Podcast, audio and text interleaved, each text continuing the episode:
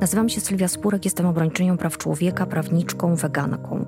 Od lat walczę o prawa kobiet, osób LGBTIQ, z niepełnosprawnościami, osób starszych, tych, których lekceważą politycy i polityczki, system i państwo. Walczę z katastrofą klimatyczną, bo świat płonie. Bronię praw zwierząt, bo nikt nie ma prawa ich wykorzystywać i zabijać. I właśnie o tym jest mój podcast. Prawo spórek. Zapraszam do słuchania.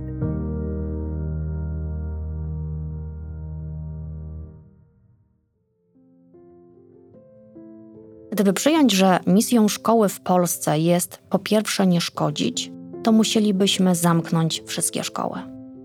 Dzieci w polskiej szkole muszą mierzyć się z przemocą fizyczną i rówieśniczym ostracyzmem oraz z hejtem w internecie. 44% nastolatków i nastolatek ma objawy depresji, a wśród osób LGBTIQ aż 7 na 10 ma myśli samobójcze. Dominik Zbierzunia i Kacper Zgorczyna to przykłady dzieciaków, które odebrały sobie życie, bo były gnębione przez swoich rówieśników. Gdzie była wtedy polska szkoła? Dlaczego nikt w szkole nie zauważył, że coś poważnego się z nimi dzieje? Chyba trudno sobie wyobrazić większą tragedię i porażkę systemu edukacji.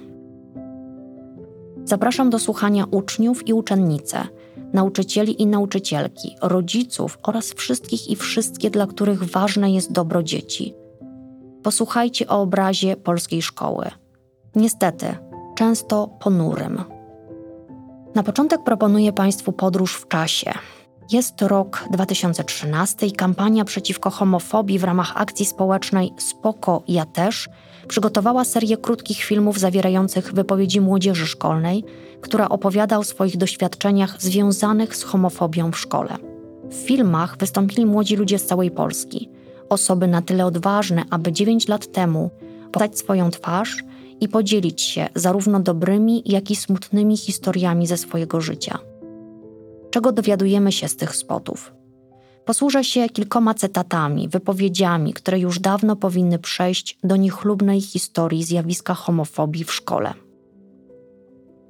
Koledzy i koleżanki w szkole, gdy się dowiedzieli, że jestem osobą homoseksualną, w ciągu dwóch przerw cała szkoła się ode mnie odwróciła. Finalnie na szkołę, do której uczęszczało 400 osób, rozmawiały ze mną trzy koleżanki. Słyszałem za plecami na każdej przerwie: Ty pedale, ty cioto. Co na to szkoła?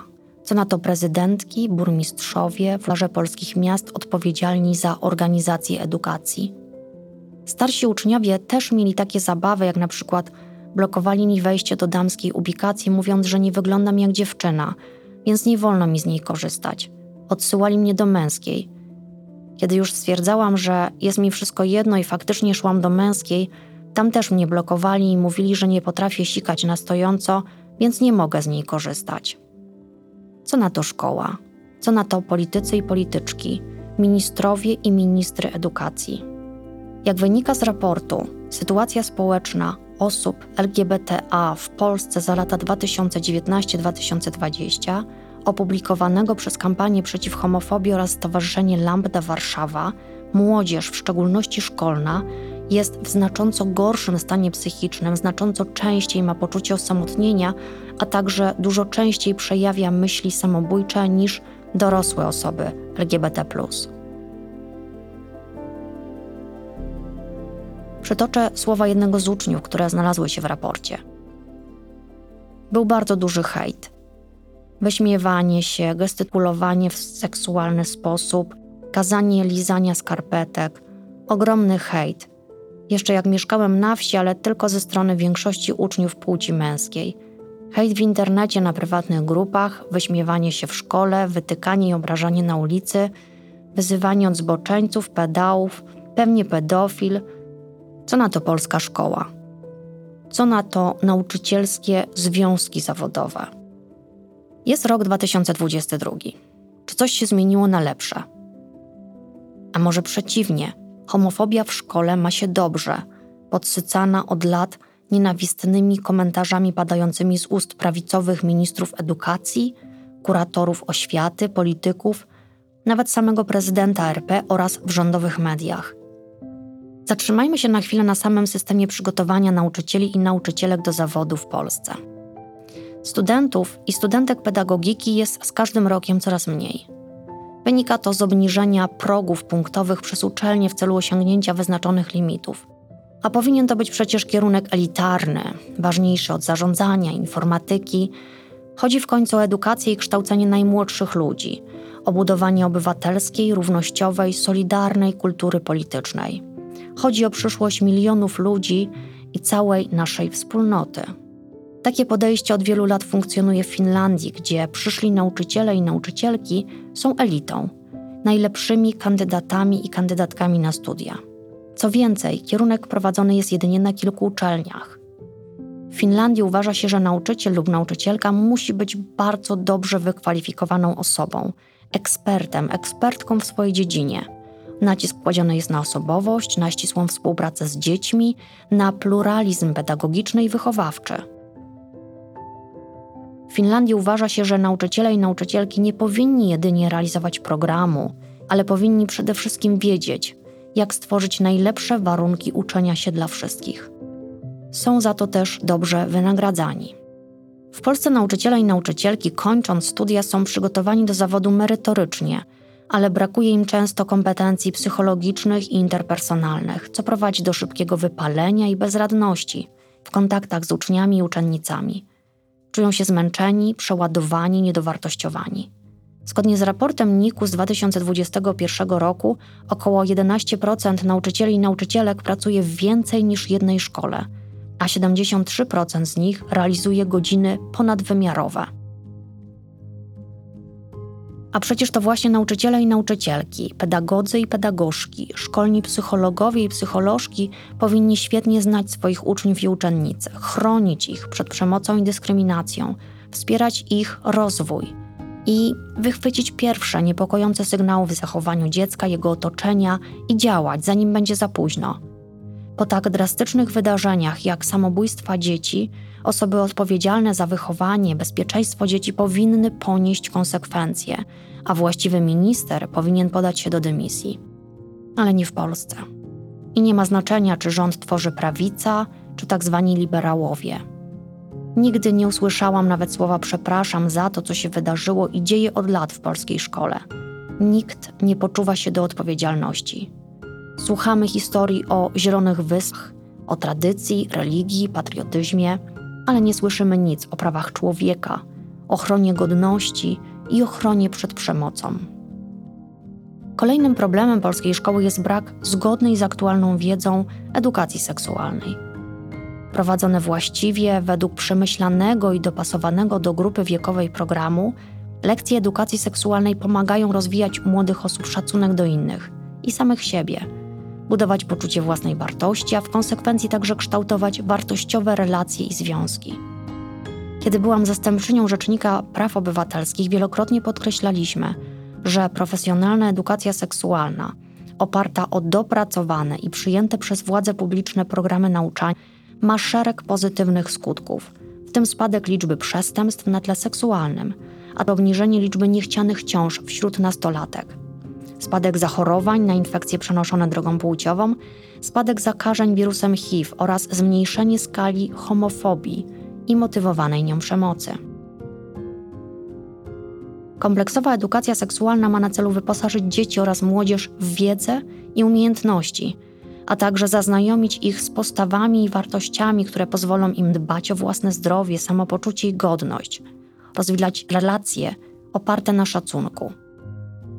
Prawo do otrzymania rzetelnej edukacji seksualnej wynika przede wszystkim z prawa do nauki, a także, jak wskazuje WHO, z prawa do ochrony zdrowia i dostępu do informacji ze zdrowiem związanych. To rodzaj profilaktyki, na którą powinno być stać każdego z nas i na którą zasługuje każde dziecko, bez względu na miejsce zamieszkania, poziom zamożności i wykształcenia rodziców. Rzetelna edukacja w tym obszarze przekłada się na umiejętność dzieci radzenia sobie z problemami i zagrożeniami także z przemocą.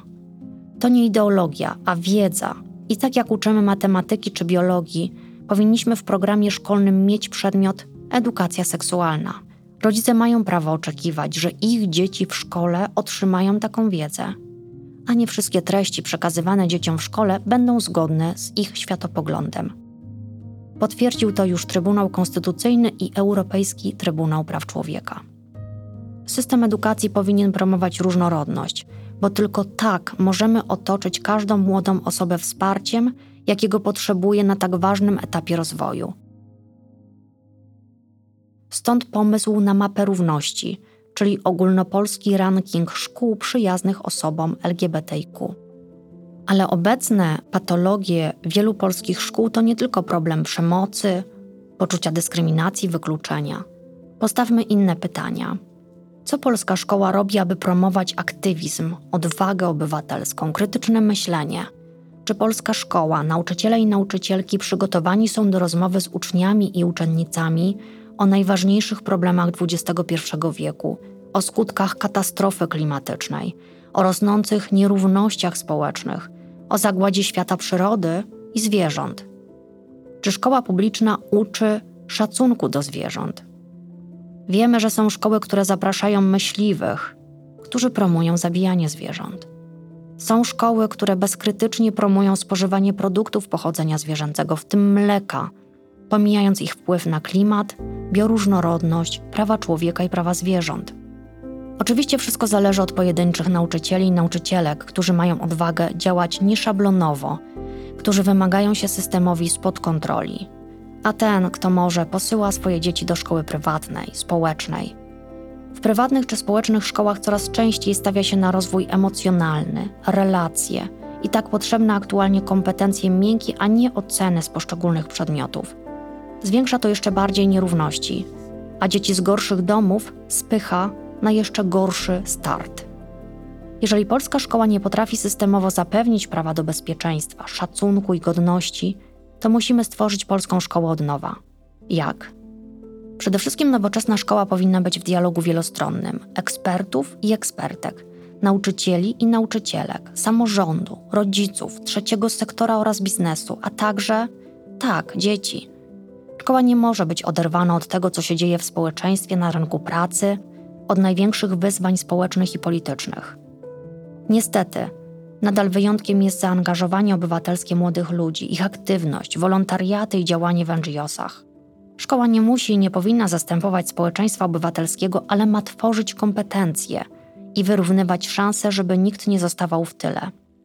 Braki wynikające z gorszego wykształcenia i poziomu zamożności rodziny powinny być przez państwo i przez nauczycieli skutecznie niwelowane.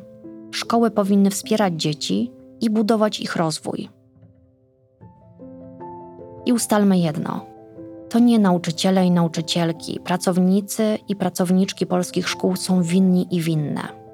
Winny jest ten system, partie polityczne, które od lat nie mają odwagi reformować tego systemu, które zamiast na edukację, godne wynagrodzenia, podnoszenie kompetencji szkolonej kadry wolą wydawać pieniądze na stadiony, czołgi i nikomu niepotrzebne inwestycje. Szkoła od nowa będzie możliwa tylko wtedy, kiedy ustalimy sobie priorytety działania państwa, rolę państwa, jego obowiązki w XXI wieku.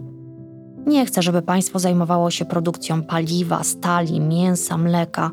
Chcę państwa, które tworzy warunki prawne i instytucjonalne do najlepszej edukacji, najlepszej polityki społecznej i najlepszej opieki zdrowotnej. Tylko wtedy mamy szansę na rozwój, na tworzenie godnych miejsc pracy i miejsc, w których żyje się dobrze, bez względu na wiek, płeć, niepełnosprawność, orientację seksualną czy pochodzenie. Potrzebujemy w końcu zielonej Polski i zielonej Europy, równościowej, opartej na szacunku i solidarności, wrażliwej na naruszanie dobra wspólnego, w której nikt nie pozostaje w tyle.